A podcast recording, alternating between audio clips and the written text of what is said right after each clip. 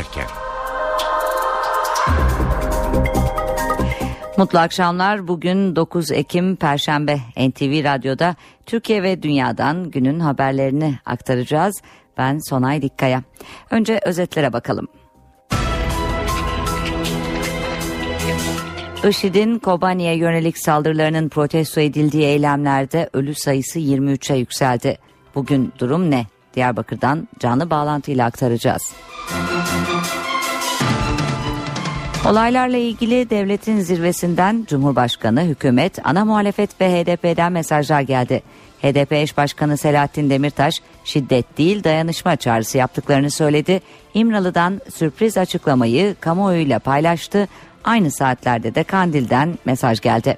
CHP lideri ise hükümete yeni bir tezkere teklifinde bulundu. Tüm bu açıklamaları da ayrıntılarıyla aktaracağız. NATO Genel Sekreteri Ankara'da görüşmelerde IŞİD'le mücadele yöntemleri masaya yatırılıyor. Türkiye'nin tampon bölge önerisine NATO ve batılı ülkeler ne diyor? Rusya tartışma hakkında ne düşünüyor? Bültenimiz içerisinde bu sorulara da yanıt arayacağız. Kobani'de ise rüzgar tersine dönüyor. Koalisyon güçlerinin hava operasyonları IŞİD'i olumsuz etkiledi. Kobani'deki son durumu alacağız. Ve Gezi Parkı eylemlerinde dövülerek öldürülen Ali İsmail Korkmaz'la ilgili davada adli tıp raporu mahkemeye ulaştı. O raporda Ali İsmail'in aldığı darbeler sonucu öldüğüne dikkat çekildi.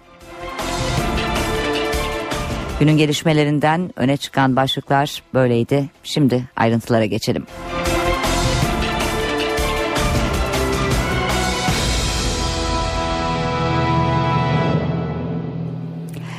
Kobani'ye destek olunmadığı gerekçesiyle düzenlenen eylemler 3. gününde.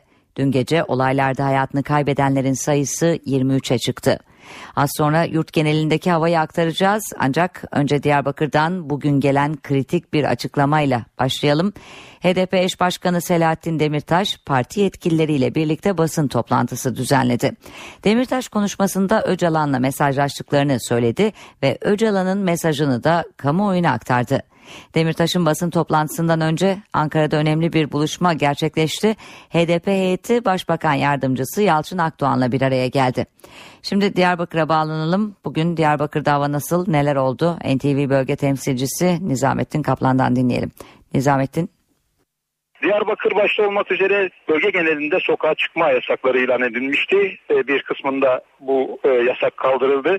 Diyarbakır'da da bugün e, sokağa çıkma yasağı sabah saat 06 itibariyle kaldırıldı ama saat 18'den itibaren yeniden sokağa çıkma yasağı başlayacak. Ee, tabii ki e, bu süre içerisinde yeni değişiklikler olmazsa saat 18'e kadar yeni gelişmeler yaşanmazsa bir kez daha sokağa çıkma yasağı ilan edilecek ve yarın sabah saat 6'da tekrar son bulacak.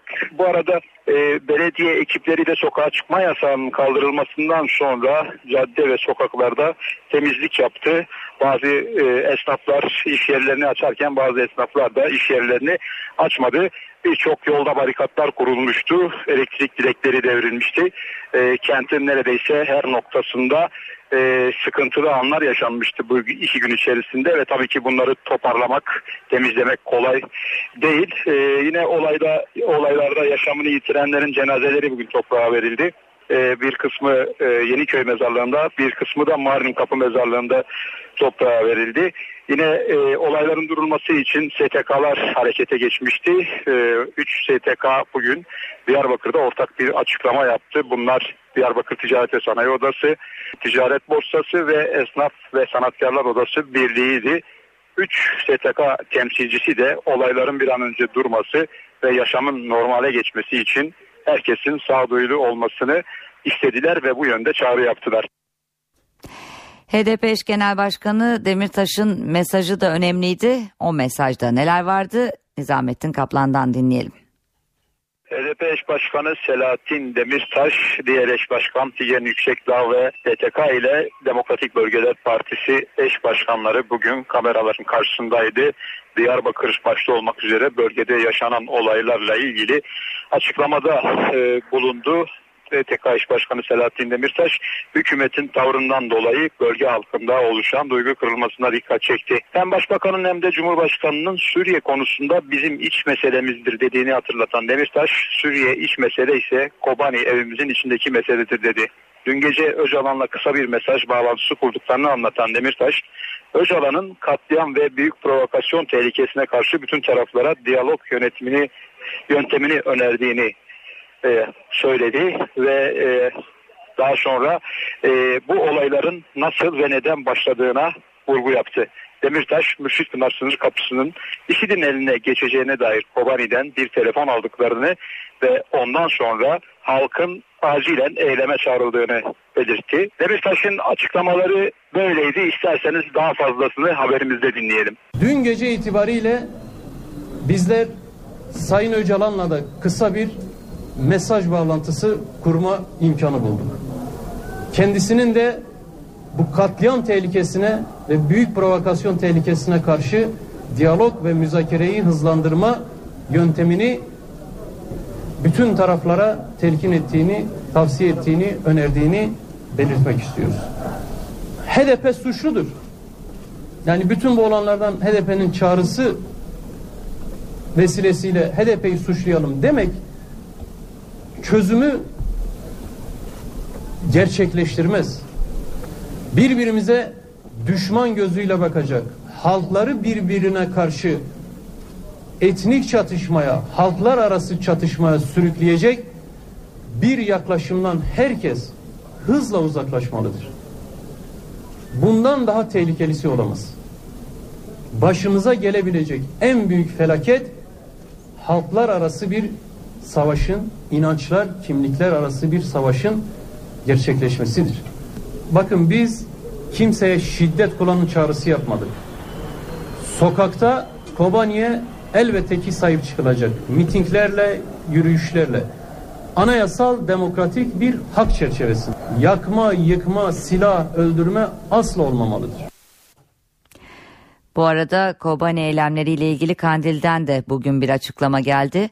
KCK okul, büst, yakma, yağlama, yağmalamalar kabul edilemez.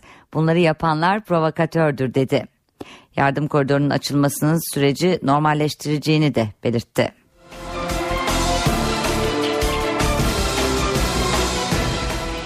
Evet Diyarbakır'daki durum böyleydi bugün. Peki dün gece neler oldu? Şimdi yurt genelinde eylemleri aktaralım. Sokağa çıkma yasağına rağmen protestolar gece boyunca da devam etti ve bir kişi daha hayatını kaybetti. Böylece Kobani olaylarında ölenlerin sayısı 23'e çıktı. İki günde toplam 368 kişi de gözaltına alındı. Mersin'in Tarsus ilçesinde akşam saatlerinde başlayan protesto gösterileri gece devam etti. Mersin Adana Karayolu'na barikat kuran gruba polis müdahale etti. Bu sırada çevik kuvvet ekibine ateş açıldı, dört polis yaralandı. Çevrede toplanan bir grup protestoculara tepki gösterdi. İlçedeki DBP binası ateşe verildi. Kalabalık belediye başkanı Şevket Can tarafından ikna edilerek dağıtıldı. Siirt'in Kurtalan ilçesinde bir grup gösterici Cumhuriyet Karakolu'na ateş etti. Bir özel harekat polisi ve bir asker yaralandı.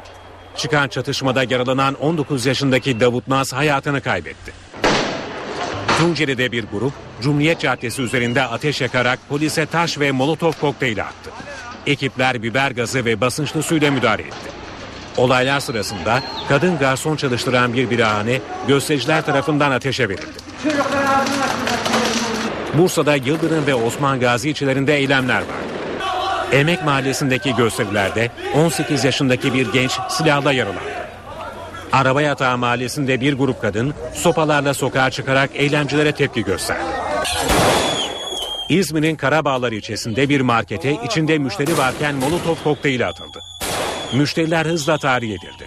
Alevler itfaiyenin müdahalesiyle söndürüldü. Iğdır'da da eylemciler çevredeki iş yerlerini taşladı. Olaya tepki gösteren Azeri bir grupla göstericiler arasında gerginlik çıktı. Polis bir göstericiyi linçten son anda kurtardı. Adana'da sabaha karşı polis operasyonu vardı. Belirlenen adreslere baskın yapan ekipler 30 kişiyi gözaltına aldı. Yapılan aramalarda çok sayıda tabanca ve tüfek bulundu. Eskişehir'de yürüyüş yapan gruptakilerle onlara tepki gösteren bir kişi arasındaki tartışma büyüdü. Çıkan kavga sivil polisler tarafından yatıştırıldı. İstanbul'da da dün gece protestolar vardı. Esenyurt'ta toplanan bir grup IŞİD'i protesto etmek amacıyla sloganlar eşliğinde yürüyüşe geçti. İddiaya göre göstericilere kimliği belirsiz kişi ya da kişiler tarafından pompalı tüfekle ateş açıldı. Bazı göstericiler yaralandı. Başından yaralanan 18 yaşındaki Mert Değirmenci yoğun bakımda. Yakınları değirmencinin göstericiler arasında olmadığını tesadüfen oradan geçtiğini söylüyor. Beyoğlu Ok Meydanı ve Şişli'de de yüzleri maskeli eylemciler ateş yakıp yollara barikat kurdu. Ve bugün ana muhalefet partisi CHP'nin lideri Kemal Kılıçdaroğlu da Kobani'deki durum ve Türkiye'deki eylemlerle ilgili basın toplantısı yaptı. Halkı sağduyulu davranmaya çağıran Kılıçdaroğlu hükümete de sürpriz bir öneride bulundu. CHP Genel Başkanı Kobani'nin kurtarılması ve IŞİD'den temizlenmesi amacıyla Türk askeri Suriye'ye girsin, gelin sadece bunun için tezkere çıkaralım dedi. Kılıçdaroğlu eylemler sırasında zarar gören esnafın zararının karşılanması için yasa çıkartılmasını da istedi. Gelin askerimizin kara harekatını, Kobani'nin kurtarılması ve IŞİD'in buradan püskürtülmesi hedefiyle kısıtlayalım. Böyle bir tezkereyi meclisten hemen yeniden çıkaralım. Böylece halkımızın akrabalarını IŞİD gibi bir terör örgütünün öldürmesine izin vermeyelim. Onları koruma ve evlerine salimen dönme, geri dönmelerini bizzat biz gerçekleştirelim. Bu hedefin gerçekleşmesiyle birlikte askerimizi derhal geri çekeceğimizi de taahhüt edelim. Tezkereden ülkemize yabancı asker konuşlandırma maddesini kesinlikle çıkaralım. Vatandaşlarımızın sokaktan çekilerek itidalli davranmaya çağırırken mağdurların zararlarının karşılanması yönünde bir yasanın acilen çıkartılmasına öncülük edeceğiz. Bu arada hükümetin tahrip edilen Atatürk büstlerini ve heykellerini de yenilemesini bekliyoruz. CHP liderinin bu çağrısına AK Parti'den Grup Başkan Vekili Mustafa Elitaş'tan CHP 2 Ekim'de tezkereye hayır diyerek hata yaptığının farkına vardı şeklinde cevap geldi. AK Partili Elitaş Kılıçdaroğlu'nun sadece Kobani'yi kapsayan yeni bir tezkere önerisine karşı çıktı. IŞİD Kobani dışında başka yerlerde harekete geçerse ne olacak diye sordu. Kobani eylemleriyle ilgili devletin zirvesinden de açıklamalar var. Cumhurbaşkanı Recep Tayyip Erdoğan yazılı bir açıklama yaparak eylemlerin çözüm süreci ve kardeşliği hedef aldığını belirtti. Vandalizme izin verilmeyecek dedi. Erdoğan eylemlerin Kobani ile alakası olmadığını da ifade etti. Sahnelenen bu oyunun çözüm sürecini ve kadim kardeşliğimizi sabote etme amacını taşıdığı Doğu ve Güneydoğu'daki huzur ortamını hedef aldığı açıktır. Cumhurbaşkanı Recep Tayyip Erdoğan, Kobani eylemlerine bu sözlerle tepki gösterdi. Erdoğan, sokağa çıkın çağrısı yapan HDP'yi eleştirdi, ardından sağduyu çağrısı yaptı. Bu eylemler karşısında siyasi partilerimizin de son derece dikkatli ve sorumlu davranmaları büyük önem taşıyor. Şiddeti, kargaşayı ve vandalizmi teşvik eden söylemler yaşanan can kayıplarının akan kanın birinci derecede sorumlusudur. Karanlık odakların provokasyonları karşısında vatandaşlarımızın oyuna gelmeyeceklerine, her bir vatandaşımızın sabır ve sağduyu içinde davranacağına inancım tamdır. Cumhurbaşkanı, kamu düzeninin bozulmasına izin verilmeyeceğinin, hukuk içinde mücadele edileceğinin altını çizdi. İçinden geçmekte olduğumuz böylesine hassas bir süreçte insani, demokratik ve iyi niyetli tavrımızın istismar edilmesine elbette müsamaha gösterilemez. Sergilenen şiddet, vandalizm ve yağmacılıkla devletimiz en etkin şekilde demokrasi ve hukuk içinde mücadele edecektir. Türkiye huzurumuza, istikrara, güven ortamına özellikle de kardeşliğimize yönelik hiçbir tuzağa asla müsaade etmeyecektir. Erdoğan, eylemlerin Kobani ile alakası olmadığını söyledi. Türkiye'nin çeşitli şehirlerinde sahnelenen şiddet eylemleri ve yaşanan can kayıpları en büyük üzüntü kaynağımızdır ifadesini kullandı. Tarım Bakanı Mehdi Eker bir açıklama yapıyor. Dinliyoruz. Cenazeler teslim edildi. Bir kısmının definleri yapıldı. Bir iki tanesi herhalde şu an itibariyle onların da defin e, hazırlıkları yapılıyor. Ben bir kez daha bu 10 vatandaşımıza Allah'tan rahmet diliyorum. Yakınlarına, tüm hemşehrilerimize ve e, tüm milletimize baş sağlığı e, diliyorum. An itibariyle e, 37 yaralının e, tedavisi sürüyor. Dördü Eğitim Araştırma Hastanesi'nde 12 tanesi devlet hastanesinde ve 21 tanesi de tıp fakültesi hastanesinde e, tedavisi devam eden bu olaylarda yaralanan e, hemşehrimiz var. Bu olaylar e, esnasında 124 bina Diyarbakır merkez ve ilçelerinde 124 bina saldırıya uğradı. Zarar gördü. Bunların bir kısmı bunlar özel iş yerleri, marketler, çeşitli faaliyet e, alanında ki ticarethaneler e, onlar 124 14 tane resmi bina 15 banka şubesi ve onun kullanılamaz hale gelen 34 okul. O nedenle biz e, bu kullanılamaz haldekileri ve çeşitli şekillerde e, hasar gören ya yangın yakma suretiyle veya camları kırılmış, sıraları, masaları tahrip edilmiş okullardaki e, tamirat ve tadilatlar tabi bir kısmı pazartesine kadar inşallah yetiştirilir. Eğitim ondan sonra pazartesi günü e, devam eder.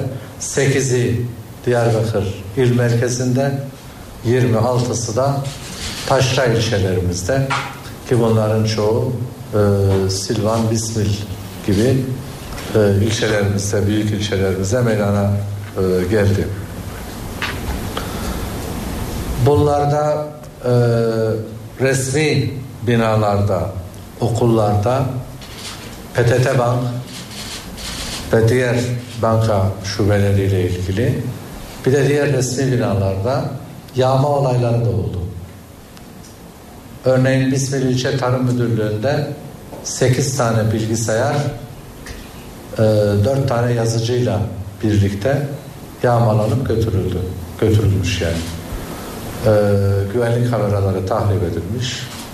İlçe Tarım Müdürlüğü binasına girilmiş. SGK binası, diğer okul binaları vesaire bunlardan tabi tahrip edilen e, binalar içerisinde. Keza PTT Bank'la ilgili kıymetli evrak, para vesaire bu tür e, alımlara da götürülmüş. Özel market ve dükkanlardan da yine eşya alınıp götürüldüğü de biliniyor. Yani bir yağma var. 17 özel araç tahrip edilmiş durumda bu olaylarda. 20 resmi araç 5 parti binası 36 tane de şehrin güvenliğini sağlamada e, kullanılan mobese kameralar zarar görmüş. Bu olaylarda e, tabi güvenlik kuvvetlerimiz gerek olaylara sebebiyet verdiği, olaylara karıştığı tespit edilen ler olmak gerekse sokağa çıkma yasağında ihlal e, suçu işleyenlerle ilgili gözaltına alma yapıldı. E, merkezde 80 toplam taşra ilçelerimize de 36 olmak üzere 116 kişi gözaltına alındı. Ayrıca 294 kişiye de e, ilgili mevzuat gereğince sokağa çıkma yasağını ihlal ettikleri gerekçesiyle de yine ilgili güvenlik birimlerimiz tarafından işlem yapıldı. Şu anda ayrıntılı hasar tespit çalışmaları yapılıyor. Ve bu ayrıntılı hasar tespit çalışmaları sonucunda da biliyorsunuz e, terörden zarar görenlerle ilgili bizim hükümetimizin çıkardığı bir yasa var. Bu yasa kapsamında hasar ve zararları tespit edilenlerin müracaatları halinde onlara da ödemeleri yapılacak. Bu şu anda ayrıntılı hasar tespit raporu oluşturulduktan resmiyet e, resmi olarak bunların kayıtları alındıktan sonra yapılacak. E, bütün gerek esnafımız gerek e, tüccarımız ve iş yeri, evi zarar gören, saldırıya uğrayan, arabası yakılan, kendisi şahsen saldırıya uğrayan gerçekte bu akıl tutulması diyeceğimiz e, hiçbir gerekçe aslında kabul etmeyen hiçbir şeyin gerekçe olamayacağı bu tür saldırılardan zarar gören kardeşlerimize, hemşerilerimize de geçmiş olsun dileklerimi e, sunmak istiyorum. Bu zaman içerisinde Diyarbakır'da ben bulundum. E, bütün e, salı gününden bu yana Diyarbakır'dayım. E, güvenlik kuvvetlerimizin olağanüstü bir gayret gösterdiğini, olağanüstü bir metanetle bütün kışkırtmalara ve doğrudan hedef alınmalarına rağmen e, onlar çünkü olayların içerisine çekmek istediler. Onlar eliyle adeta bir hani neredeyse bir ölüm olsun da onun üzerinden bir takım daha büyük olaylar olsun. Bunun izleri, bunun resmen kışkırtmaları e, görüldü. Çünkü doğrudan saldırıyorlardı. Bu yaralıların içerisinde bir kısmı güvenlik görevlileri. Ona rağmen güvenlik kuvvetlerimiz Diyarbakır'da askeriyle, polisiyle e, metanetle, sabırla görevlerini yaptı. Ve ben kendilerine gerçekten e, bu olağanüstü e, gayretleri sebebiyle e, daha büyük olaylara yol açacak hadiselerden kaçınmaları, korunmaları sebebiyle gerçekten kendilerine bu gösterdikleri gayret ve çaba için teşekkür etmek istiyorum. E, çünkü büyük çaba sarf ettiler. Buna şahidim. E, doğrudan hedef ve e, kondular. Bunun dün de söyledim. Bunun aslında bu şekildeki saldırıların, bu şekildeki yakıp yıkmaların, bu şekildeki tahribatın, ölümle sonuçlanan bu şekildeki saldırıların bize göre hiçbir gerekçesi yok. İnsanların bir konuyla ilgili tepkilerini ortaya koyacakları demokratik ve meşru hakları vardır. Bunun uygulanmasını saygıyla karşılarız. Buna diyecek hiçbir şey yok. Ama bunu gerekçe ve bahane gösterip yakıp yıkmak e, hukuka da vicdana da sığacak bir konu değildir. Dileriz ki bu hasarla kalınır ve bugün gündüzden beri gelişen olaylarla şehirde şu anda sükunet var, sağlığı var. Katkı sağlayan herkese teşekkürlerimi ifade etmek istiyorum. Çünkü dün gün boyu Diyarbakır'daki e, gerek meslek oda ve kuruluşlarının başkanları yani esnaf odaları, sanayi ticaret odası, e, ticaret borsası gibi gerekse e, sanayici ve iş adamları dernekleri, insan hakları derneği, siyasi partilerin temsilcileri, çeşitli vakıflar, dernekler ve sivil toplum kuruluşlarının temsilcileriyle dün gün boyu onlarla hep görüştük. Ee, katkı sağlayan, katkı sunan herkese e, teşekkürlerimi ifade etmek istiyorum. Dün de biz sağduyu çağrısı yaptık, sükunet çağrısı yaptık. Ee, bugün hamdolsun e, Diyarbakır'da bu manada sükunet ve sağduyu hakim şehir temizleniyor ee, şu anda. Ee, o nedenle de sokağa çıkma yasağını devam ettirmenin e, gereği olmadığı sebebiyle biz e, valimize, sayın valimize, ilgili arkadaşlarla yaptığımız istişarelerle buna son verilmesini kararını aldık. Bütün vatandaşlarımıza hem başsağlığı diliyorum hem geçmiş olsun dileklerimi sunuyorum ve Allah bir daha bize bu tür acıları yaşatmasın. Ee, bir daha Diyarbakır bu tür olaylara sahne olmasın. Çünkü bu şehir çok daha gerçekte e, güzel hadiselerle, olaylarla anılacak değerde bir şehirdir. Ama bunu kalkıp e, işte bir bahaneyle, bir gerekçeyle şehri yakıp yıkmak doğru değildir. Kabul edilecek bir şey değildir. E, dilerim bir daha bu e, olayları biz yaşamayız.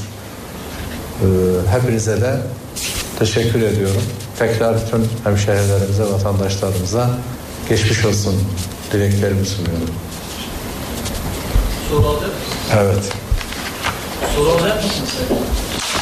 Sabah Sayın Demirtaş'ın açıklaması oldu. Nasıl karşıladınız? Nasıl Evet.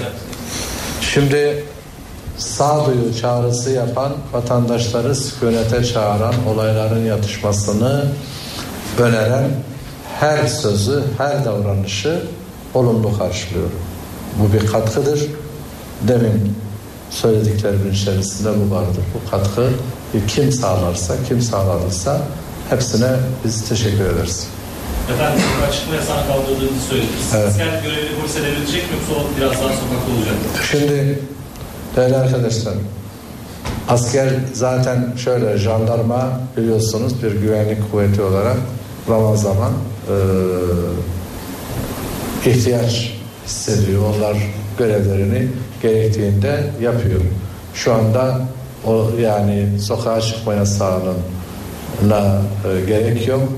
Dolayısıyla ihtiyaç hissedilirse e, asker, polis, herkes sonuçta Sayın Valimiz tarafından göreve çağrılır, gereği yapılır. Ama Gıda ve Tarım Bakanı Mehdi Eker'in Diyarbakır'da düzenlediği basın toplantısına bağlandık. Eker, Kobani eylemlerine ilişkin bilgi verdi ve Diyarbakır'da sokağa çıkma yasağına son verildiğini söyledi. Şimdi haber turuna gidelim. Saatlerimiz 17.30'u gösteriyor. Gelişmelerle devam ediyoruz.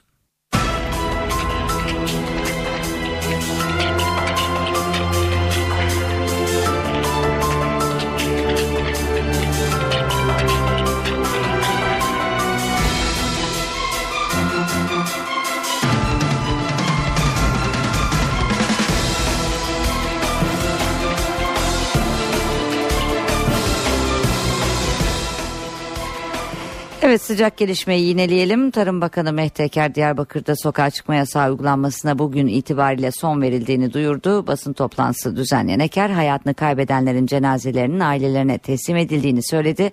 Bakan kent genelinde de 124 binanın saldırıya uğradığını ifade etti.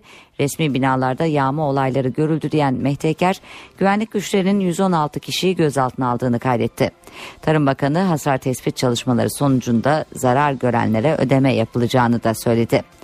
Kobani eylemleriyle ilgili MHP lideri Devlet Bahçeli'den de açıklama geldi. Bahçeli çok açık uyarıyorum AK Parti hükümeti Türkiye'nin milli hedeflerine duyarsız kalmaya devam ederse çözülme kaçınılmaz olacaktır dedi. Bahçeli yazılı açıklamasında Kobani'nin hukukunu biz koruruz söylemi derhal bırakılmalı ifadelerini kullandı.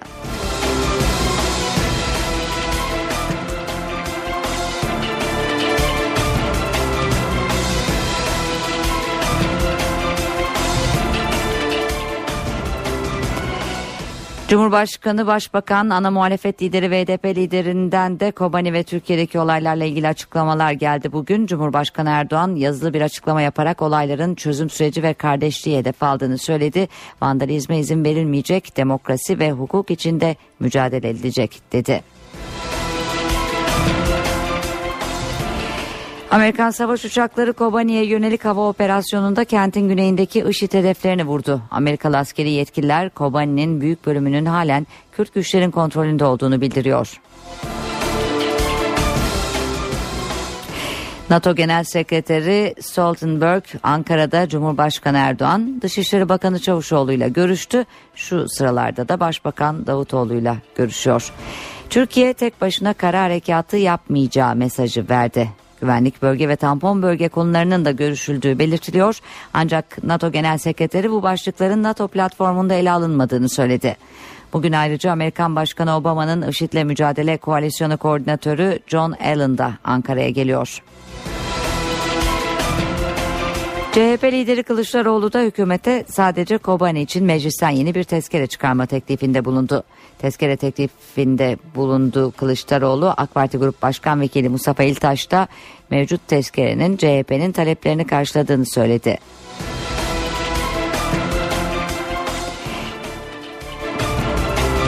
Şimdi kısa bir reklam arası veriyoruz ardından eve dönerken devam edecek.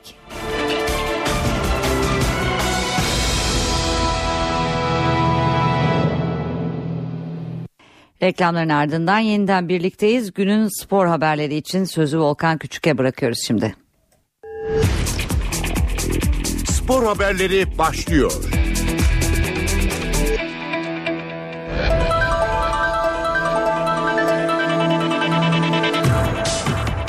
Türkiye Futbol Direktörü Fatih Terim, Çek Cumhuriyeti maçının büyük turnuva özlemini dindirmek için önemli bir fırsat olduğunu söyledi. Taraftardan destek isteyen Terim, maça kırmızı beyaz renklerle gelinmesini istedi. Türkiye Futbol Direktörü Fatih Terim, Çek Cumhuriyeti maçı öncesi taraftara seslendi. Futbol Federasyonu'nun milli maç için çıkardığı kitaba her yer kırmızı beyaz olsun başlıklı bir yazı yazan Terim sağlayacağımız birliktelikle önümüzdeki hedefe ulaşabilir, büyük turnuvalara katılma özlemimizi dindirebiliriz ifadelerini kullandı. Avrupa Şampiyonası grup elemelerinde oynanacak her maçın ayrı bir strateji gerektirdiğini yazan deneyimli teknik direktör taraftardan sabırlı olmalarını istedi. Fatih Terim, Çek Cumhuriyeti'nin köklü bir ekole sahip olduğunu vurguladı. Terim açıklamasını Türk milli takımı gücünü sahaya yansıttığı her maçı kazanacak bir potansiyele sahip. Onların bu mücadelesinde yanlarında olmanız için milli takım taraftarlarımıza, tüm İstanbullulara kırmızıyla gel, beyazla gel diyoruz sözleriyle noktaladı. Türkiye Futbol Federasyonu Başkanı Yıldırım Demirören Çek Cumhuriyeti maçından umutlu. Demirören Kasım ayı sonuna kadar oynanacak 3 maçta 9 puan hedeflediklerini söyledi. Türkiye Futbol Federasyonu Başkanı Yıldırım Demirören Avrupa Şampiyonası elemelerinde Çek Cumhuriyeti ile oynayacakları maçı kazanarak yükselişe geçmek istediklerini söyledi. Karşılaşma öncesi taraftarlara da çağrıda bulunan Demirören maça milli formayla gelinmesini istedi. Kasım ayında oynanacak 3 eleme maçını kayıpsız geçeceklerini ifade eden Demirören 12 Kasım'daki Brezilya karşılaşmasının ise ayrı bir önem taşıdığını belirtti. Farklı yaş kategorilerindeki tüm milli takımların uluslararası şampiyonalara katılmaları için çalıştıklarını vurgulayan Demirören, bu ortak vizyonu Sayın Fatih Terim'le de paylaşıyor ve gelecekte kalıcı başarılara ulaşmak için önemli projeler geliştiriyoruz değerlendirmesinde bulundu. Beşiktaş Teknik Direktörü Slaven Bilic milli takımlara gönderdikleri oyuncu sayısıyla gurur duyduğunu söyledi. Bu durumun avantajları ve dezavantajları olduğunu anlatan Bilic, Kolombiya milli takımına ilk defa seçilen Pedro Franco'dan övgüyle bahsetti. Beşiktaş Teknik Direktörü Slaven Bilic, milli takımlara gönderdikleri oyuncu sayısını başarı olarak gördüğünü söyledi. Kulüp televizyonuna açıklamalarda bulunan Hırvat teknik adam Bu şunu gösteriyor ki milli takımlar teknik direktörü Fatih Terim maçlarımızı izliyor ve futbolcularımızın iyi bir oyun ortaya koyduğunu düşünüyor. Tüm oyuncularımız adına çok mutluyum. Hepsiyle teker teker gurur duyuyorum dedi. Pedro Franco'nun milli takım için ilk kez davet almasını özel bir durum olarak nitelendiren Bilic, Kolombiya milli takımı Dünya Kupası'nda iyi işler yaptı ve Pedro o takımın bir parçası olacak. Daha önce milli takımın alt kategorilerinde kaptanlık yapmış bir futbolcu. Kendini çok iyi geliştiriyor diye konuştu. Milli takımlara çok oyuncu göndermenin avantajları olduğu kadar dezavantajları bulunduğunu da vurgulayan Hırvat teknik adam, milli takımda oynamak, o atmosferin bir parçası olmak futbolcunun özgüvenini oldukça yükseltir. Dezavantajı ise oyuncularınızı 10 gün kullanamadığınızda, onlarla antrenman yapamadığınızda bu ister istemez size zorluk yaratıyor ifadelerini kullandı. Beşiktaş'ta stat sorunu çözüldü. Siyah beyazlılar Spor Toto Süper Lig'deki Sivas Spor maçını Ankara Yenikent Asaş Sarı'nda oynayacak. Atatürk Olimpiyat Sarı'nın bakım çalışmaları nedeniyle 2 Kasım'a kadar kapatılması sonrası stat arayışlarını sürdüren Beşiktaş yönetimi aradığı stadı Ankara'da buldu. Siyah beyazlılar 19 Ekim'deki müsabakayı Ankara Yenikent Asaş Sarı'nda oynayacak. 20 bin kişi kapasiteli stat için Osmanlı Spor yetkilileriyle görüşen ve olumlu cevap alan siyah beyaz yönetim Futbol Federasyonu'na başvuruda bulundu. Beşiktaş yönetimi 13 bin kombineli taraftarını Sivas Spor maçı için otobüslerle Ankara'ya getirmeyi planlıyor. Beşiktaş derbi ve Avrupa maçlarını 2 Kasım'dan itibaren olimpiyat sarında oynayacak. Fenerbahçe'yi milli maçların ardından zorlu bir fikstür bekliyor. Sarı lacivertliler 3 hafta içinde ezili rakipleri Galatasaray ve Beşiktaş'la deplasmanda ligin formda ekibi Gençler Birliği ile evinde karşılaşacak. Milli maçlar için verilen arada çalışmalarını sürdüren Fenerbahçe önündeki zorlu fikstüre hazırlanıyor. Sarı lacivertliler önce deplasmanda Galatasaray'a konuk olacak. Türk Telekom Arena'daki derbi hiç şüphe yok ki camianın merakla beklediği maçların başında geliyor. Ancak Fenerbahçe bu karşılaşmanın ardından çok zor iki mücadeleyi daha arka arkaya oynamanın çalışmalarını yapıyor. Teknik direktör İsmail Kartal ve öğrencileri bir sonraki hafta evinde Gençler Birliği'ni konuk edecek. Ankara temsilcisi son 3 haftada aldığı 2 galibiyette dikkatleri çekmişti. Fenerbahçe 3 haftada 2 deplasman derbisi oynamış olacak. Gençler Birliği maçından sonraki durak Beşiktaş deplasmanı. Teknik direktör İsmail Kartal bu haftalar öncesinde tüm oyuncularını hazır tutmaya çalışırken futbolcularına takım olgusunu aşılamaya çalışıyor. Kartal ve ekibi bu üç maçtan alacakları iyi sonuçların şampiyonluk yolunda kendilerine moral olarak da avantaj sağlayacağını düşünüyor. Bu haberle spor bültenimizin sonuna geldik. Hoşçakalın. Ve sırada bu akşam sergilenecek kültür sanat etkinliklerinden seçtiklerimiz var. Borusan Filarmoni Orkestrası yeni sezonu bu akşam vereceği konserle açıyor. Ünlü tenor Juan Diego Flores'in solist olarak eşlik edeceği konser saat 20'de Lütfü Kırdar'da. Cemal Reşit Rey Caz Orkestrası da solist Selen Beytekin'in eşlik edeceği Sonbaharda Caz adlı bir konser veriyor bu akşam. Cemal Reşit Rey'deki konser saat 20'de başlayacak. Karadeniz müziğinin genç isimlerinden Niyazi Koyuncu bu akşam Beyoğlu Hayal Kahvesi'nde çıkıyor. Koyuncu saat 22.30'da sahnede olacak. Gayrettepe metro istasyonundaki karanlıkta diyalog sergisi devam ediyor. Dünya üzerinde 135 kentte 8 milyondan fazla insanın gezdiği sergide katılımcılar görme engelli rehberler eşliğinde parkta dolaşmak, bir caddede karşıdan karşıya geçmek, vapura binmek gibi günlük hayatın rutinlerini dokunarak, koklayarak ve duyarak deneyimleyecek. Türkiye'nin önemli kadın vokallerinden Ceylan Ertem de bu akşam Ankara'da If Performans Hall adlı mekanda konser verecek. Konser saat 21'de. Ankara Nefes Bar'da da saat 20.30'dan itibaren Karadeniz müziğinin genç grubu Karmate olacak. Bu akşam İzmir Sanat'ta Voizek adlı oyun sahneleniyor. Tiyatro tarihinin en çok sahnelenen oyunlarından biri olan Voizek'i Tiyatro Terminal topluluğu sahneye koyuyor. Oyun perdelerini saat 20.30'da açıyor. Akşam evde olacaksanız CNBC'de saat 20'de The Simpsons, saat 20.30'da Star TV'de Aramızda Kalsın adlı dizileri izleyebilirsiniz.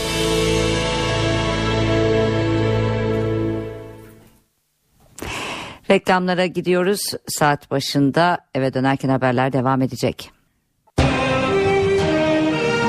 NTV Radyo Köprülerde trafik yoğunluğu artmış görünüyor. İstanbul'da Boğaziçi Köprüsü'nde Avrupa'dan Anadolu'ya geçişte Çağlayan'dan itibaren yoğunluk etkili oluyor. Mecidiyeköy, Zincirlikuyu ve köprü üzeri de oldukça yoğun olan yerlerden Anadolu yakasına geçişte Altunizade ise rahat görünüyor.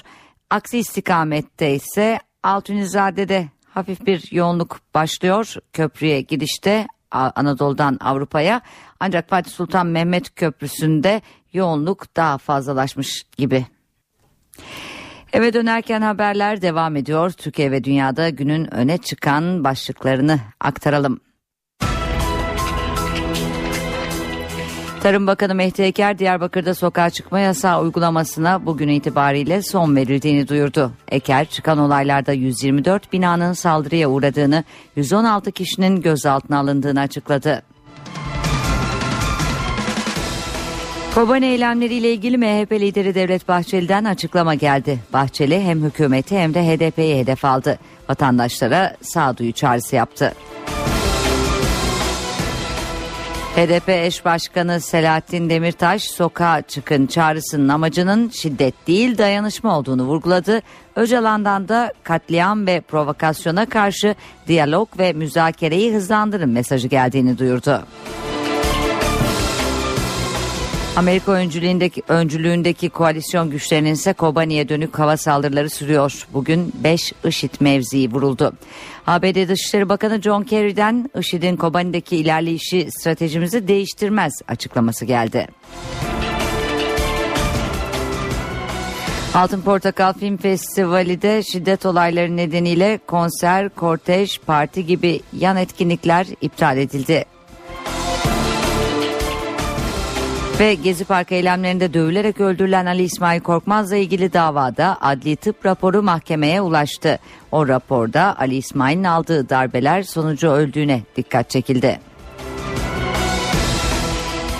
Günün gelişmelerinden öne çıkan başlıklar böyleydi. Şimdi ayrıntılar.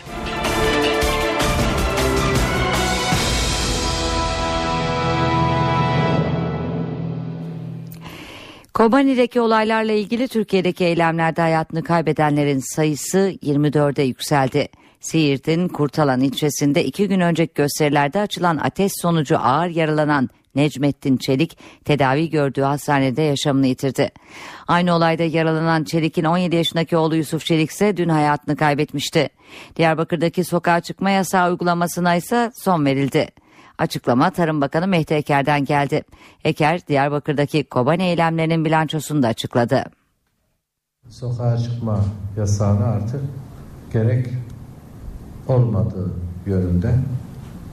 O nedenle e, bugün saat daha önce 18'den itibaren uygulanacağı ilan edilen Diyarbakır e, il ve bazı ilçelerinde merkezdeki merkez ve bazı taşra ilçelerindeki sokağa çıkma yasağı uygulaması son bulacaktır. Diyarbakır merkez ve ilçelerinde 124 bina saldırıya uğradı. Zarar gördü. Bunlar özel iş yerleri. 14 tane resmi bina, 15 banka şubesi ve onu kullanılamaz hale gelen 34 okul bir kısmı pazartesine kadar inşallah yetiştirilir. Eğitim ondan sonra pazartesi günü e, devam eder. 8'i Diyarbakır il merkezinden 26'sı da taşra ilçelerimizde. MHP Genel Başkanı Devlet Bahçeli'den de az önce bir açıklama geldi. Kobani eylemleri nedeniyle hem hükümet hem de HDP'yi de hedef alan Bahçeli, ülkücülere ve Kürt kökenli vatandaşlara da sağduyu çağrısı yaptı. Kardeş kavgası çıkarmak isteyenlere koz verilmeyecek dedi. MHP lideri yazılı açıklamasında yaşananlardan çözüm sürecinde verilen tavizler nedeniyle hükümeti sorumlu tuttu hükümetin silik ve sessiz bir gölge gibi vahim gidişatı izlediğini iddia eden Bahçeli, Başbakan Davutoğlu'na kontrolden çıkması an meselesi olan hadiseler karşısında her tedbiri alacak basiret ve cesareti gösterin çağrısında bulundu. MHP lideri ülkücülere uyanık ve dikkatli olun, kavga ve çatışmalardan uzak kalın sözleriyle Kürt kökenli vatandaşlara ise PKK, PYD, HDP'nin kan ve vahşet üzerine kurguladıkları oyunlarına düşmeyin diye seslendi. Diyarbakır'dan bugün önemli bir mesaj da HDP eş başkanı Selahattin Demirtaş'tan geldi. Demirtaş hükümetin tepki gösterdiği sokağa çıkın çağrısına açıklık getirdi. Demirtaş şiddet değil dayanışma çağrısı yaptım dedi. HDP eş başkanı Öcalan'la da mesajlaşma yoluyla görüştüğünü söyledi. Bu açıklama öncesinde ise Ankara'da HDP heyeti Başbakan Yardımcısı Yalçın Akdoğan'la bir araya geldi. Dün gece itibariyle bizler Sayın Öcalan'la da kısa bir mesaj bağlantısı kurma imkanı bulduk. Diyalog ve müzakereyi hızlandırma yöntemini bütün taraflara telkin ettiğini, tavsiye ettiğini, önerdiğini belirtmek istiyoruz. HDP eş genel başkanı Selahattin Demirtaş Diyarbakır'da konuştu. Protesto gösterilerini başlatan çağrının gerekçesini anlattı. Kobani'den acil telefon geldi ve Mürşit Pınar sınır kapısını ele geçirmek üzere olduklarını söylediler. Türkiye'nin de geleceğini kurtaracak kritik hamleyi yaptık ve halkımızı Kobani ile dayanışmak üzere acil göreve, eyleme çağırdık. Ve o gün etkili hava saldırıları yapılmaya başlandı. Kimseye şiddet kullanın çağrısı yapmadık. Sokakta Kobani'ye elbette ki sahip çıkılacak. Mitinglerle, yürüyüşlerle. Yakma, yıkma, silah, öldürme asla olmamalıdır. Demirtaş, olayların silahlı sivil gruplar tarafından provoke edildiğini iddia etti, etnik çatışma tehlikesine dikkat çekti. Etnik çatışmaya, halklar arası çatışmaya sürükleyecek bir yaklaşımdan herkes hızla uzaklaşmalıdır. Bundan daha tehlikelisi olamaz. HDP eş genel başkanı Demirtaş'ın sağduyu çağrısı yaptığı toplantıdan önce partiden bir heyette Başbakan Yardımcısı Yalçın Akdoğan'la görüştü. Gelinen noktada vahim gelişmeler var, katliamlar var. Bunlar da görmezlikten geleceğimiz şeyler değil. Kaygılarımızı ilettik, kaygılarını dinledik. Bu arada HDP heyeti saat 19'da İçişleri Bakanı Efkan Ala ile 19.30'da İçişleri Bakanı Efkan Ala ile görüşecek. Evet tekrar edelim.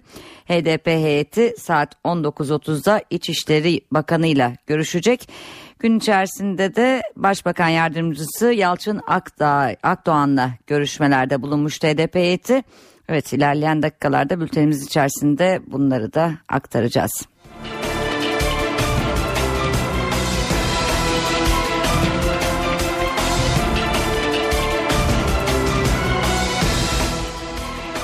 Ve CHP Genel Başkanı Kemal Kılıçdaroğlu da bugün basın toplantısı düzenleyerek Kobani için hükümete yeni tezkere önerisinde bulundu. Kılıçdaroğlu yeni tezkerenin Kobani ile sınırlandırılmasını teklif etti. İktidar kanadı ise bu öneriye sıcak bakmıyor. AK Parti Grup Başkan Vekili Mustafa Elitaş mevcut tezkerenin CHP'nin taleplerini karşıladığı görüşünde. Hükümeti tekrar aklı selime davet etmek istiyoruz.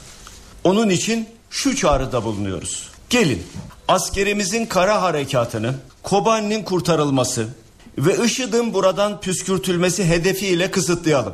Böyle bir tezkereyi meclisten hemen yeniden çıkaralım. CHP Genel Başkanı Kemal Kılıçdaroğlu, Kobani'nin kurtarılması için yeni bir tezkere çıkarılmasını önerdi. Türk askerinin IŞİD tehdidine karşı güvenliği sağlamasını ardından geri dönmesini teklif etti. Bu hedefin gerçekleşmesiyle birlikte askerimizi derhal geri çekeceğimizi de taahhüt edelim. Tezkereden ülkemize yabancı asker konuşlandırma maddesini kesinlikle çıkaralım. CHP lideri vatandaşları sokaktan çekilmeye çağırıyorum dedi. Kobani protestoları sırasında mağdur olanların zararının karşılanması için kanun teklifi vereceklerini de söyledi. Biz görüşümüzü açıkladık. Şimdi ben aynı şeyi Sayın Davutoğlu'ndan bekliyorum. Kılıçdaroğlu'nun yeni tezkere teklifine beklediği yanıtla geldi. AK Parti Grup Başkan Vekili Mustafa Elitaş, CHP'nin tezkereyi reddettiğini hatırlattı. 2 Ekim'de yaptıkları hatanın farkına vardılar dedi. Mevcut tezkerenin CHP'nin taleplerini içerdiğini söyledi. Başbakan Ahmet Davutoğlu da Kobani eylemlerinde kamu düzeninin önemine vurgu yaptı. Başbakan olayların HDP'nin sokağa çıkın çağrısıyla başladığını kaydetti. Çözüm süreci bu vandalizme kurban vermeyiz. Eğer çözüm sürecinin sadakatten bahsediliyorsa herkes üzerine düşeni yapmak zorundadır. Kamu düzeninin olmadığı yerde çözüm süreci de olmaz, hiçbir süreçte olmaz. Başbakan Ahmet Davutoğlu, Kobani eylemlerinde yaşananlara tepki gösterdi, kamu düzeni sağlanacak mesajı verdi. Kamu düzenini temin etmek bir görevdir ve kamu düzeni herhangi bir müzakere konusu şöyle olursa şu şekilde tavır alırız gibi tartışılacak bir konu değildir. Her ne surette olursa olsun kamu düzeni tesis edilecektir ve herkes bu kamu düzenine ve milletin huzuruna saygı gösterecektir. Başbakan, sokağa çıkın çağrısı yapan HDP'yi sert sözlerle eleştirdi. Olayların nasıl çıktığını herkes biliyor. Bunun için ek bir izahata ben gerek durmuyorum. HDP'den yapılan açıklamayla nasıl o silahlı denilen şahısların da sokağa çıkmış olduğunu da herkes çok açık bir şekilde gördü. Davutoğlu, Kobani eylemlerinden en çok Kürt vatandaşların zarar gördüğünü söyledi. En çok da bölgede huzuru bozulan, evleri yağmalanan, araçları yakılan Kürt vatandaşlarımız gördü. Kamu düzeni dışına çıkan, hukuki olma niteliğini kaybeden ve milletin huzurunu, bayramda dahi milletin huzurunu bozmuş olan bu yaklaşımlar karşısında tutumumuz açık ve net olacaktır. Kobani eylemleriyle ilgili devletin zirvesinden de açıklamalar var. Cumhurbaşkanı Recep Tayyip Erdoğan yazılı bir açıklama yaparak eylemlerin çözüm süreci ve kardeşliği hedef aldığını belirtti. Vandalizme izin verilmeyecek dedi. Erdoğan eylemlerin Kobani ile alakası olmadığını da ifade etti. Cumhurbaşkanı Türkiye'nin çeşitli şehirlerinde sahnelenen şiddet eylemleri ve yaşanan can kayıpları en büyük üzüntü kaynağımızdır dedi.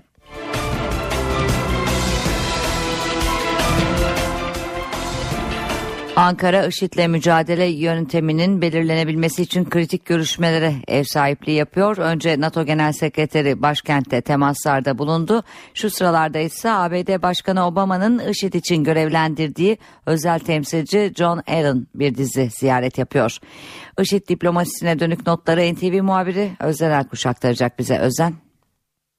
Ankara IŞİD'le mücadele gündemiyle iki önemli konuğa aynı güne sahipliği yapıyor. O isimlerden biri NATO Genel Sekreteri Jens Stoltenberg'ti. Diğeri ise Obama'nın IŞİD'le küresel mücadele koalisyonu özel temsilcisi emekli orgeneral John Allen. İsimler farklı ancak Türkiye'nin beklentisi ve talepleri aynı. Kısa süre önce Dışişleri Bakanlığı'nda güvenli bölge, uçuşa yasak bölgenin aralarında bulunduğu beklentiler NATO Genel Sekreterine iletilmişti. Bu kez de ABD liderliğindeki koalisyonda Obama'nın temsilciliğini yapan Allen'a aktarılacak Türkiye'nin beklentileri. Allen'ın ilk durağı Dışişleri Bakanlığı Bakan Mevlüt Çavuşoğlu ile görüşmesi devam ediyor. Bu görüşmenin yanı sıra üst düzey askeri yetkililerle de randevusu olacak Allen'ın. Türkiye koalisyona destek vermek için uçuşa yasak bölge ve güvenli bölge kurulmasını, karada asker desteği içinse Esad rejiminin değişimi yönünde adım atılmasını istiyor. Türkiye güvenli bölge oluşturulmasının hem göçmenlerin insani ihtiyaçlarının giderilmesi hem de IŞİD'e karşı operasyonların daha etkili yürütülmesi açısından önemli olduğunu düşünüyor. Son olarak Amerika Birleşik Devletleri Genelkurmay Başkanı Dempsey tampon bölge belli bir noktada mümkün olabilir ama şu anda bizim kampanyamızın bir parçası değil açıklaması yapmıştı. Yani her iki tarafta birbirini ikna etmeye çalışacak. Elinin Ankara'daki temasları çetin müzakerelere sahne olacak. Özden Erkuş, NTV Radyo, Ankara. Bu arada Türkiye Suriye'de tampon da başka bir ifadeyle güvenli bölge oluşturulmasını istiyor. Amerikan Savunma Bakanlığı, Pentagon ve Beyaz Saray'dan gelen açıklamalarda ise tampon bölge seçeneğinin şu an için düşünülmediği belirtildi. Koalisyon güçleriyle birlikte IŞİD'e yönelik hava operasyonlarımız sürüyor. Ancak bu zor bir görev. Başlangıçta da söyledim. Karşımızda bir gecede çözülebilecek bir sorun yok. Amerika Birleşik Devletleri Başkanı Barack Obama, Savunma Bakanlığı Pentagon'da IŞİD'le mücadelede gelinen son noktayı değerlendirdi. Obama, sürecin kolay olmayacağını vurguladı. Konuyla ilgili Pentagon'dan da bir açıklama geldi. Pentagon sözcüsü John Kirby, Amerika Birleşik Devletleri önderliğindeki koalisyon güçlerinin Suriye ve Irak'ta IŞİD'e yönelik hava operasyonlarını yoğunlaştırdığını ancak havadan müdahalenin bir sınırı olduğunu söyledi. Kirby, hava operasyonları tek başına Kobani'yi kurtarmaya yetmez dedi. John Kirby, Suriye'de şu an için IŞİD'le mücadele edecek istekli ve etkin bir kara ortağı olmadığını da ifade etti. Kirby, Türkiye'nin Suriye'de bir güvenli bölge oluşturulması önerisini de değerlendirdi. Türkiye'nin tampon bölge önerisi yeni değil. Ancak tampon bölge konusu şu an değerlendirdiğimiz bir askeri seçenek olarak masada değil. Beyaz Saray'da tampon bölge fikrinin şu an üzerinde düşünülen bir şey olmadığını söyledi. Amerika Birleşik Devletleri Dışişleri Bakanlığı'ndan da tampon bölgeyi şu an için düşünmüyoruz değerlendirmesi geldi. Şu anda tampon bölge fikrini hayata geçirmeyi düşünmüyoruz. Ancak bu ortak ülkelerin getirdikleri fikir ve önerileri tartışmaya devam etmeyeceğimiz anlamına gelmez. Türkiye IŞİD tehdidini birçok ülkeden daha çok hissediyor. Rusya'dan da bir açıklama var. Rus Dışişleri Bakanı Sergey Lavrov, Suriye topraklarında tampon bölge oluşturulması için Birleşmiş Milletler kararı olması gerektiğini savundu. Aksi takdirde oluşacak tampon bölgenin yasa dışı olacağını ifade etti. Lavrov, terörle mücadele paravan olarak kullanarak Suriye'de rejimi değiştirme niyetleri Rusya açısından kabul edilemez. Bu yöndeki açıklamaları esefle karşılıyoruz dedi.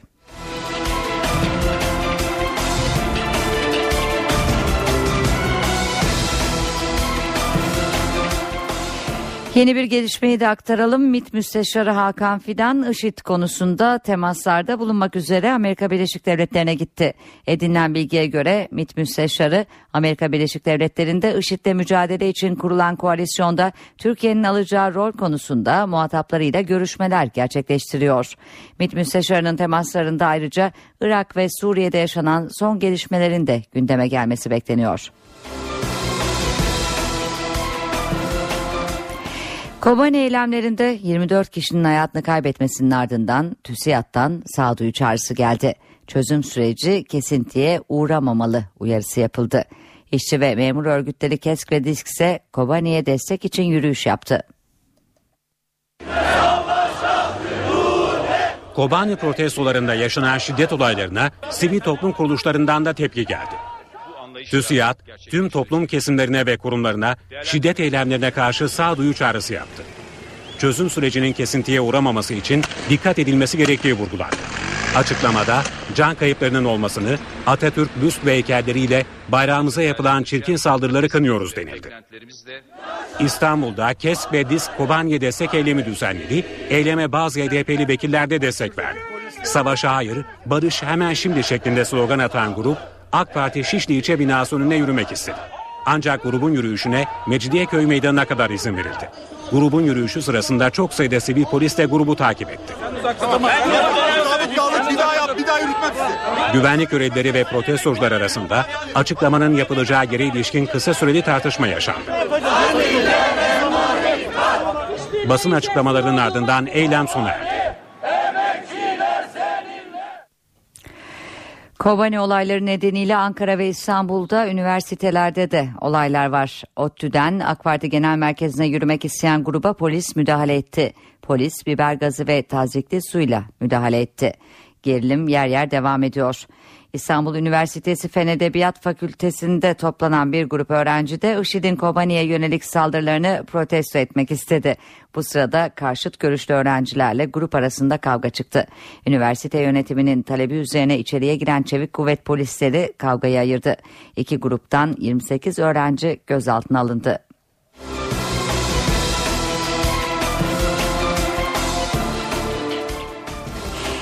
Evet Türkiye'de olanları ve tepkileri aktardık. Şimdi Kobani'de bugün neler olduğunu aktaralım. Amerika Birleşik Devletleri öncülüğündeki koalisyon güçleri Suriye'deki IŞİD mevzilerine bomba yağdırmayı sürdürüyor. Savaş uçakları da bugün örgüte ait 5 hedefi vurdu. Pentagon kentin büyük bölümünün Kürt güçlerin elinde olduğunu duyurdu. Kobani'de şu andaki durumu Suruç'ta sınırda bulunan NTV muhabiri Burak Özcan aktaracak bize. Burak seni dinliyoruz.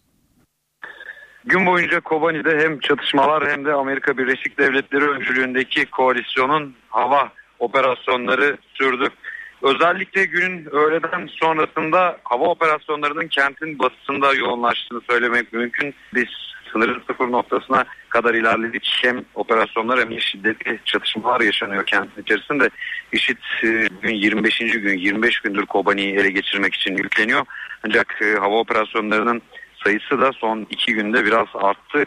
Bu artışla birlikte bir nebze de olsun IŞİD'in ilerleyişi durduruldu ancak kentin içerisinde doğu mahallelerinde e, IŞİD'in kontrol sağladığı yerler var. Yine güneyde Miştanur Tepesi, Kobani'nin eteklerine kurulu olduğu o tepe.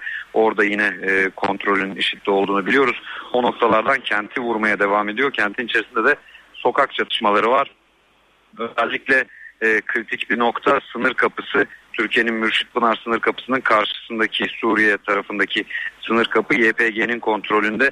orayı ele geçirmek için iki günden bu yana o noktaya saldırılar düzenliyor. İşte şu ana kadar o saldırılar YPG tarafından püskürtüldü. Ancak hala devam ettiğini çatışmaların o noktada biliyoruz. Eğer o noktayı da ele geçirirse IŞİD tamamen kenti kuşatmış olacak. YPG açısından son derece kritik. Kobani dünyaya bağlayan bir nokta orası diyebiliriz. Ee, sınırın öte tarafında da Türkiye tarafında da askerin teyakkuz hali devam ediyor. Tanklar hala sınırda bekliyor. Sınırdaki birliklerde yine teyakkuz halini görmek mümkün. Ulaştırma Bakanı Lütfi Elvan, Kobani protestoları sırasında sosyal medya üzerinden yayınlanan ve vatandaşları şiddet olaylarına davet eden mesajların engellendiğini söyledi. Elvan, mesajları gönderen kişilerin yargı önüne çıkartılacağını ifade etti. Ulusal güvenliğimizi tehdit eden, maalesef bir takım e, vatandaşlarımızı provoke eden, hatta bazı kesimleri, terörist grupları silahlı mücadeleye davet eden maalesef bazı tweetlerle karşı karşıya kaldık. Kobani'de yaşanan olaylarla ilgili sosyal medyada paylaşılan tahrik edici iletiler siliniyor. Gerekçe ulusal güvenlik.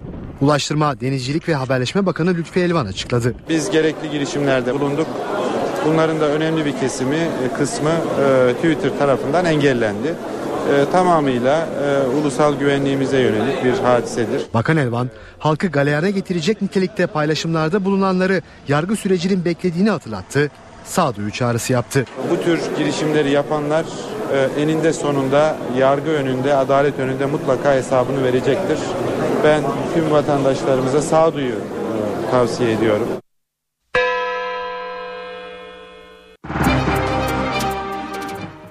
Para ve sermaye piyasalarındaki işlemlere bakalım. Borsa İstanbul günü 75.264 puandan tamamladı. Serbest piyasada dolar 2 lira 26 kuruş, euro 2.88'den işlem gördü. Kapalı çarşıda ise Cumhuriyet altın 600, çeyrek altın 145 liradan satıldı. Şimdi kısa bir reklam arası veriyoruz ardından eve dönerken haberler devam edecek. Eve dönerken devam ediyor.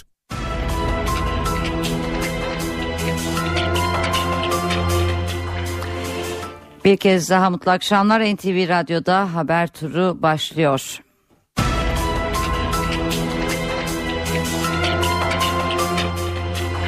Kobani'deki olaylarla ilgili Türkiye'deki eylemlerde hayatını kaybedenlerin sayısı 24'e yükseldi. Diyarbakır'daki sokağa çıkma yasağı uygulamasına ise son verildi.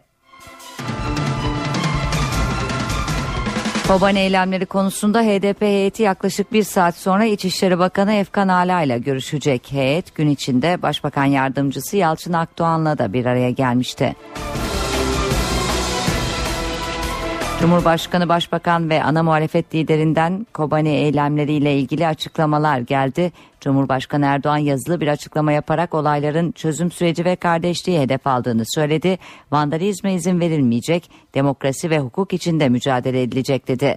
Başbakan, kamu düzeninin bozulmasına izin vermeyeceğiz diye konuştu. CHP lideri Kemal Kılıçdaroğlu ise hükümete sadece Kobani için yeni tezkere önerisinde bulundu. Amerika öncülüğündeki koalisyon güçlerinin Kobani'ye dönük hava saldırıları sürerken ABD Dışişleri Bakanı John Kerry'den de açıklama geldi. Kerry, IŞİD'in Kobani'de ilerleyişinin bir trajedi olduğunu ancak bunun Obama yönetiminin uzun dönemli politikasını değiştirmeyeceğini vurguladı.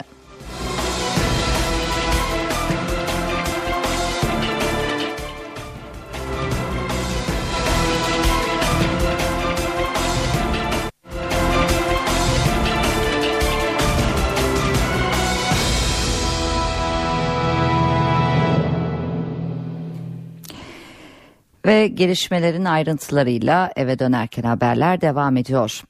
Başbakan Ahmet Davutoğlu göreve geldikten sonra bakanlıkları ziyaretini sürdürüyor. Sağlık, Maliye ve Çalışma Bakanlıklarının ardından bugünkü durağı Adalet Bakanlığı oldu. Davutoğlu Bakan Bekir Bozdağ'dan briefing aldı. Çıkışta açıklama yapan Ahmet Davutoğlu, Hakimler ve Savcılar Yüksek Kurulu seçimlerine ilişkin mesaj verdi.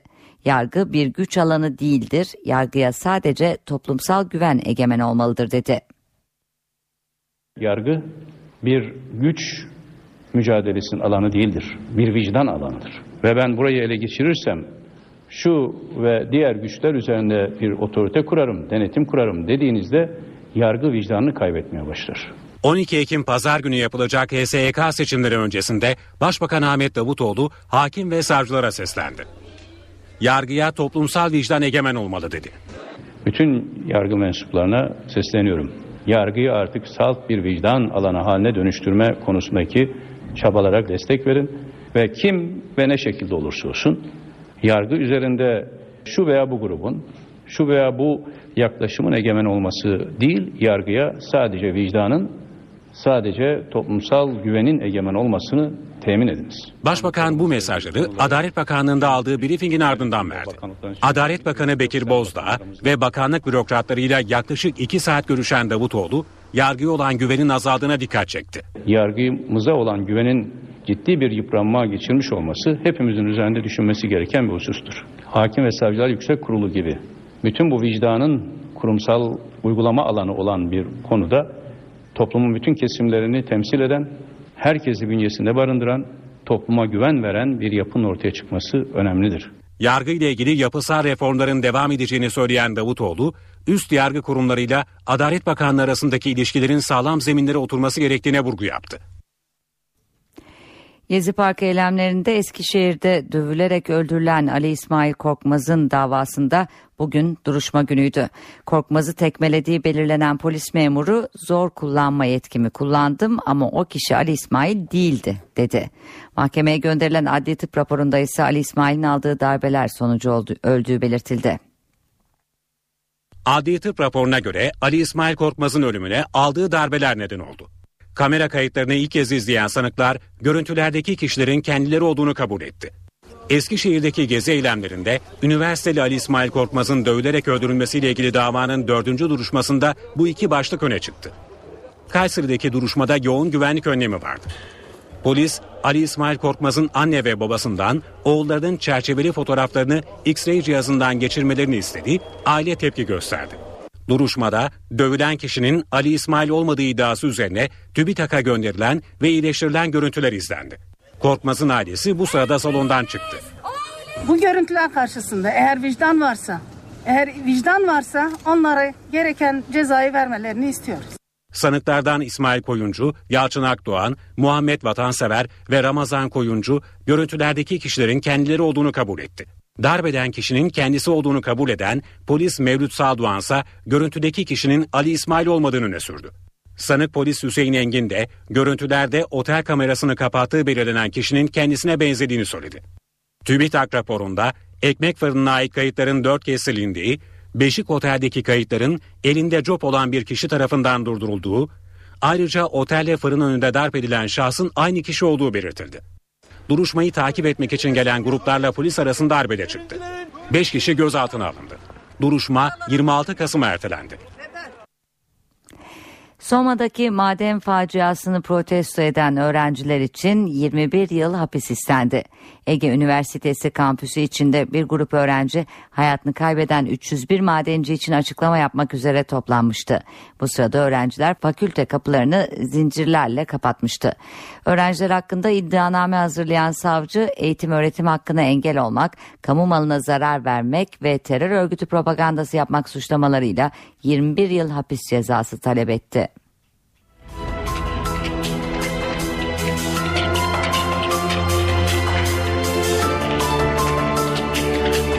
Yemen'in başkenti Sana'da düzenlenen intihar saldırısında 42 kişi hayatını kaybetti. Saldırıda Şiilerin denetimindeki bir kontrol noktası hedef alındı. Görgü tanıklarına göre bir intihar bombacısı üzerindeki patlayıcıları havaya uçurdu. 42 kişinin öldüğü, çok sayıda kişinin de yaralandığı saldırı El-Kaide'yi işaret ediyor. Kanlı eylem Şiilerin başbakana karşı çıkmaları ve başbakanın istifa etmesinin ardından düzenlendi.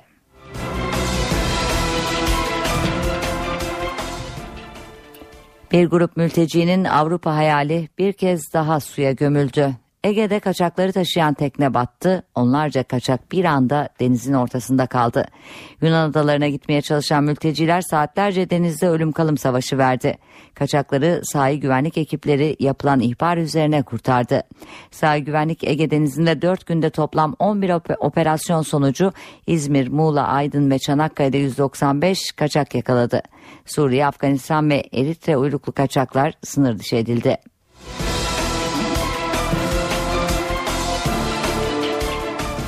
Şimdi kısa bir reklam arası veriyoruz. Eve dönerken devam ediyor. Mevsim değişikliğiyle birlikte soğuk algınlığı ve solunum yolu hastalıkları arttı.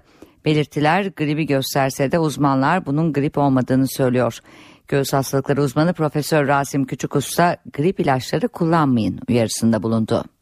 Halsizlik, hapşırık, öksürük. Belirtiler grip gibi görünüyor ancak değil. Kuzey yarımkürede grip salgınları genellikle Ocak ayından sonra başlar. Solunum yollarında hastalık yapan yüzlerce virüs var. Bu onların yaptığı bir hastalık. Bunlar kiminde nezle gibi, kiminde farenjit gibi, kiminde ses tellerine yerleşip larenjit gibi veya bazılarında bronşit veya bazen de zatürre gibi hastalıklara yol açıyorlar. Virüsler solunum yoluyla ve ortak alanlardaki el temasıyla bulaşıyor. Şu e, anda görülen solunum yolları hastalıkları için hiçbir ilaç kullanmaya gerek yok. Bunların hiçbirinin bir faydası yok. Tamamen insanlar bunları e, gereksiz yere alıyorlar ve üstelik bunlardan zarar görüyorlar. Peki grip aşısı gerekli mi? Profesör Ahmet Rasim Küçükuslan'ın yanıtı hayır. Grip aşılarının ticari aşılar olduğu anlaşıldı. Çünkü bunların hem etkinliği 3 ay sonra e, çalışmalara göre sıfıra düşüyor. Hem de esas gripten korunması gereken yaşlı, ağır diyabet, koa, kalp hastası, böbrek hastası e, olan kişileri de e, aşının hiçbir etkisi yok. Elleri sık sık yıkamak alınacak ilk tedbir. Bol yeşillikle beslenmek, yoğurt ve kefir gibi mayalı gıdalar tüketmek bağışıklık sistemini güçlendiriyor. 2014 Nobel Edebiyat Ödülü Fransız yazar Patrick Modiano'ya verildi. Nobel Komitesi Modiano'nun idrak edilmesi en güç olan insan yazgılarını zihinde canlandırdığı ve işgal altındaki yaşamlara ışık tuttuğu için ödüle layık görüldüğünü açıkladı. 69 yaşındaki yazar eserlerinde hafızaya ve anılara odaklanıyor. Yazarın Bir Gençlik, Kötü İlkbahar ve Bir Sirk Geçiyor adlı kitapları Türkçe'ye de çevrilmişti. Patrick Modiano, Nobel Edebiyat Ödülü ile birlikte 1.1 milyon dolarlık para ödülünün de sahibi oldu. Modiano ödülünü 10 Aralık'ta düzenlenecek törenle alacak. Ve sırada bu akşam sergilenecek kültür sanat etkinliklerinden seçtiklerimiz var. Bursan Filarmoni Orkestrası yeni sezonu bu akşam vereceği konserle açıyor. Ünlü tenor Juan Diego Flores'in solist olarak eşlik edeceği konser saat 20'de Lütfü Kırdar'da. Cemal Reşit Rey Caz Orkestrası da solist Selen Beytekin'in eşlik edeceği Sonbaharda Caz adlı bir konser veriyor bu akşam. Cemal Reşit Rey'deki konser saat 20'de başlayacak.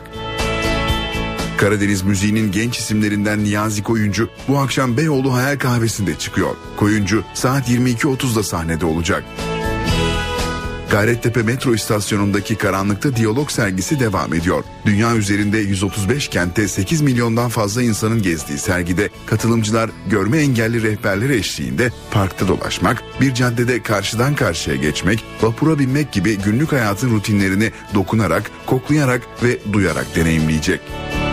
Türkiye'nin önemli kadın vokallerinden Ceylan Ertem de bu akşam Ankara'da If Performans Hall adlı mekanda konser verecek. Konser saat 21'de. Ankara Nefes Bar'da da saat 20.30'dan itibaren Karadeniz müziğinin genç grubu Karmate olacak.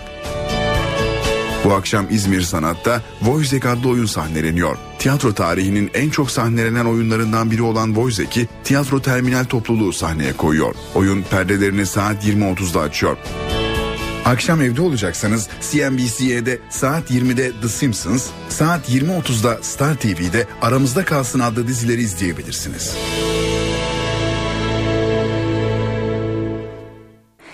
Evet kısa bir ara vereceğiz. NTV Radyo yayını reklamların ardından işten güçten haberler ve Gökhan'a buradan hava durumuyla devam edecek. Saat başında haberlerle yine yayında olacağız. Eve dönerken devam ediyor. Bir kez daha mutlu akşamlar. Saatlerimiz 19'u gösteriyor. Eve dönerken haberler devam ediyor. Öne çıkan gelişmelerin özetlerini aktaralım. Başbakan Ahmet Davutoğlu ile NATO Genel Sekreteri Jens Stoltenberg'in görüşmesine ilişkin Başbakanlık kaynaklarından açıklama geldi. Görüşmede Davutoğlu Genel Sekretere NATO Türkiye'nin konularıyla ilgilenmeli, bölge zor bir dönemden geçiyor dedi. Stoltenberg, Irak ve Suriye'deki gelişmelerden en çok Türkiye'nin etkilendiğine vurgu yaptı. Organizasyonun bu dönemde Türkiye'ye destek vereceğini ifade etti. Dışişleri Bakanı Efkan Ala yarım saat sonra HDP heyetiyle bir araya gelecek. Görüşmenin ana gündem maddesi Kobane eylemleri olacak. HDP heyetinde Grup Başkan Vekilleri Pervin Buldan ve İdris Baluken'le İstanbul Milletvekili Sırrı Süreyya Önder yer alacak. Heyet bu sabahta Başbakan Yardımcısı Yalçın Akdoğan'la bir araya gelmişti. Cumhurbaşkanı, Başbakan ve ana muhalefet lideriyle HDP eş başkanından Kobane eylemleriyle ilgili açıklamalar geldi. Cumhurbaşkanı Erdoğan yazılı bir açıklama yaparak olayların çözüm süreci ve kardeşliği hedef aldığını söyledi. Vandalizme izin verilmeyecek, demokrasi ve hukuk içinde mücadele edilecek dedi. Başbakan Davutoğlu kamu düzeninin bozulmasına izin vermeyeceğiz diye konuştu. CHP lideri Kemal Kılıçdaroğlu ise hükümete sadece Kobani için yeni tezkere önerisinde bulundu. HDP eş başkanı Selahattin Demirtaş da şiddet değil dayanışma çağrısı yaptıklarını söyledi. Öcalan'la da mesajlaşma yoluyla görüştüğünü belirtti. Amerika öncülüğündeki koalisyon güçlerinin Kobani'ye dönük hava saldırıları sürerken ABD Dışişleri Bakanı John Kerry'den açıklama geldi. Kerry, IŞİD'in Kobani'de ilerleyişinin bir trajedi olduğunu ancak bunun Obama yönetiminin uzun dönemli politikasını değiştirmeyeceğini vurguladı. İstanbul'da Saatlerimiz 19.3'ü gösterirken trafik oldukça yoğunlaşmış görünüyor. Köprülerdeki son durum şöyle. Boğaziçi Köprüsü Avrupa'dan Anadolu'ya geçişte Çağlayan'dan itibaren oldukça yoğun. Hürriyet Tepesi, Mecidiyeköy ve Zincirlikuyu'da da yoğunluk etkili olmaya devam ediyor. Boğaziçi Köprüsü'nün üzerinde ve Anadolu yakasına geçişte Altunizade çıkışında yine yoğunluk sürüyor. Fatih Sultan Mehmet Köprüsü'ne baktığımızda Avrupa'dan Anadolu'ya geçişte Nurtepe, Hassal ve Seyran Tepe şu saat itibariyle açık ancak Maslak, köprü üzeri ve çıkışta Kavacık yoğunluğun etkili olduğu yerlerden. Anadolu'dan Avrupa'ya geçişe baktığımızda da Boğaziçi Köprüsü'nde köprüsüne gidişte Küçük Yalı ve Bostancı kavşakları yoğun, Uzunçayır ve Çamlıca akıcı yoğun, Altunizade'de yoğunluk tekrar fazlasıyla etkili oluyor. Köprü üzerinde de yine yoğunluk sürüyor. Levent'e geçişte akıcı yoğun bir trafik gözlemliyoruz. Fatih Sultan Mehmet Köprüsü'ne baktığımızda da yoğunluk Ataşehir'den itibaren başlıyor. Çakmak Köprüsü ve Ümraniye kavşağına kadar akıcı yoğun bir trafik var. Elmalı yine akıcı ancak Kavacık ve köprü üzeri yoğunluğun etkili olduğu yerlerden. Eve dönerken haberlerin sonuna geldik. Ben Sonay Dikkaya, editörümüz Sevan Kazancı, teknik masada Murat Çelik. Hepinize mutlu akşamlar diliyoruz. NTV Radyo yayını kısa bir aradan sonra Cem Dizler ve Gürcan Bilgiç'in Çift Forvet programıyla devam edecek. Hoşçakalın.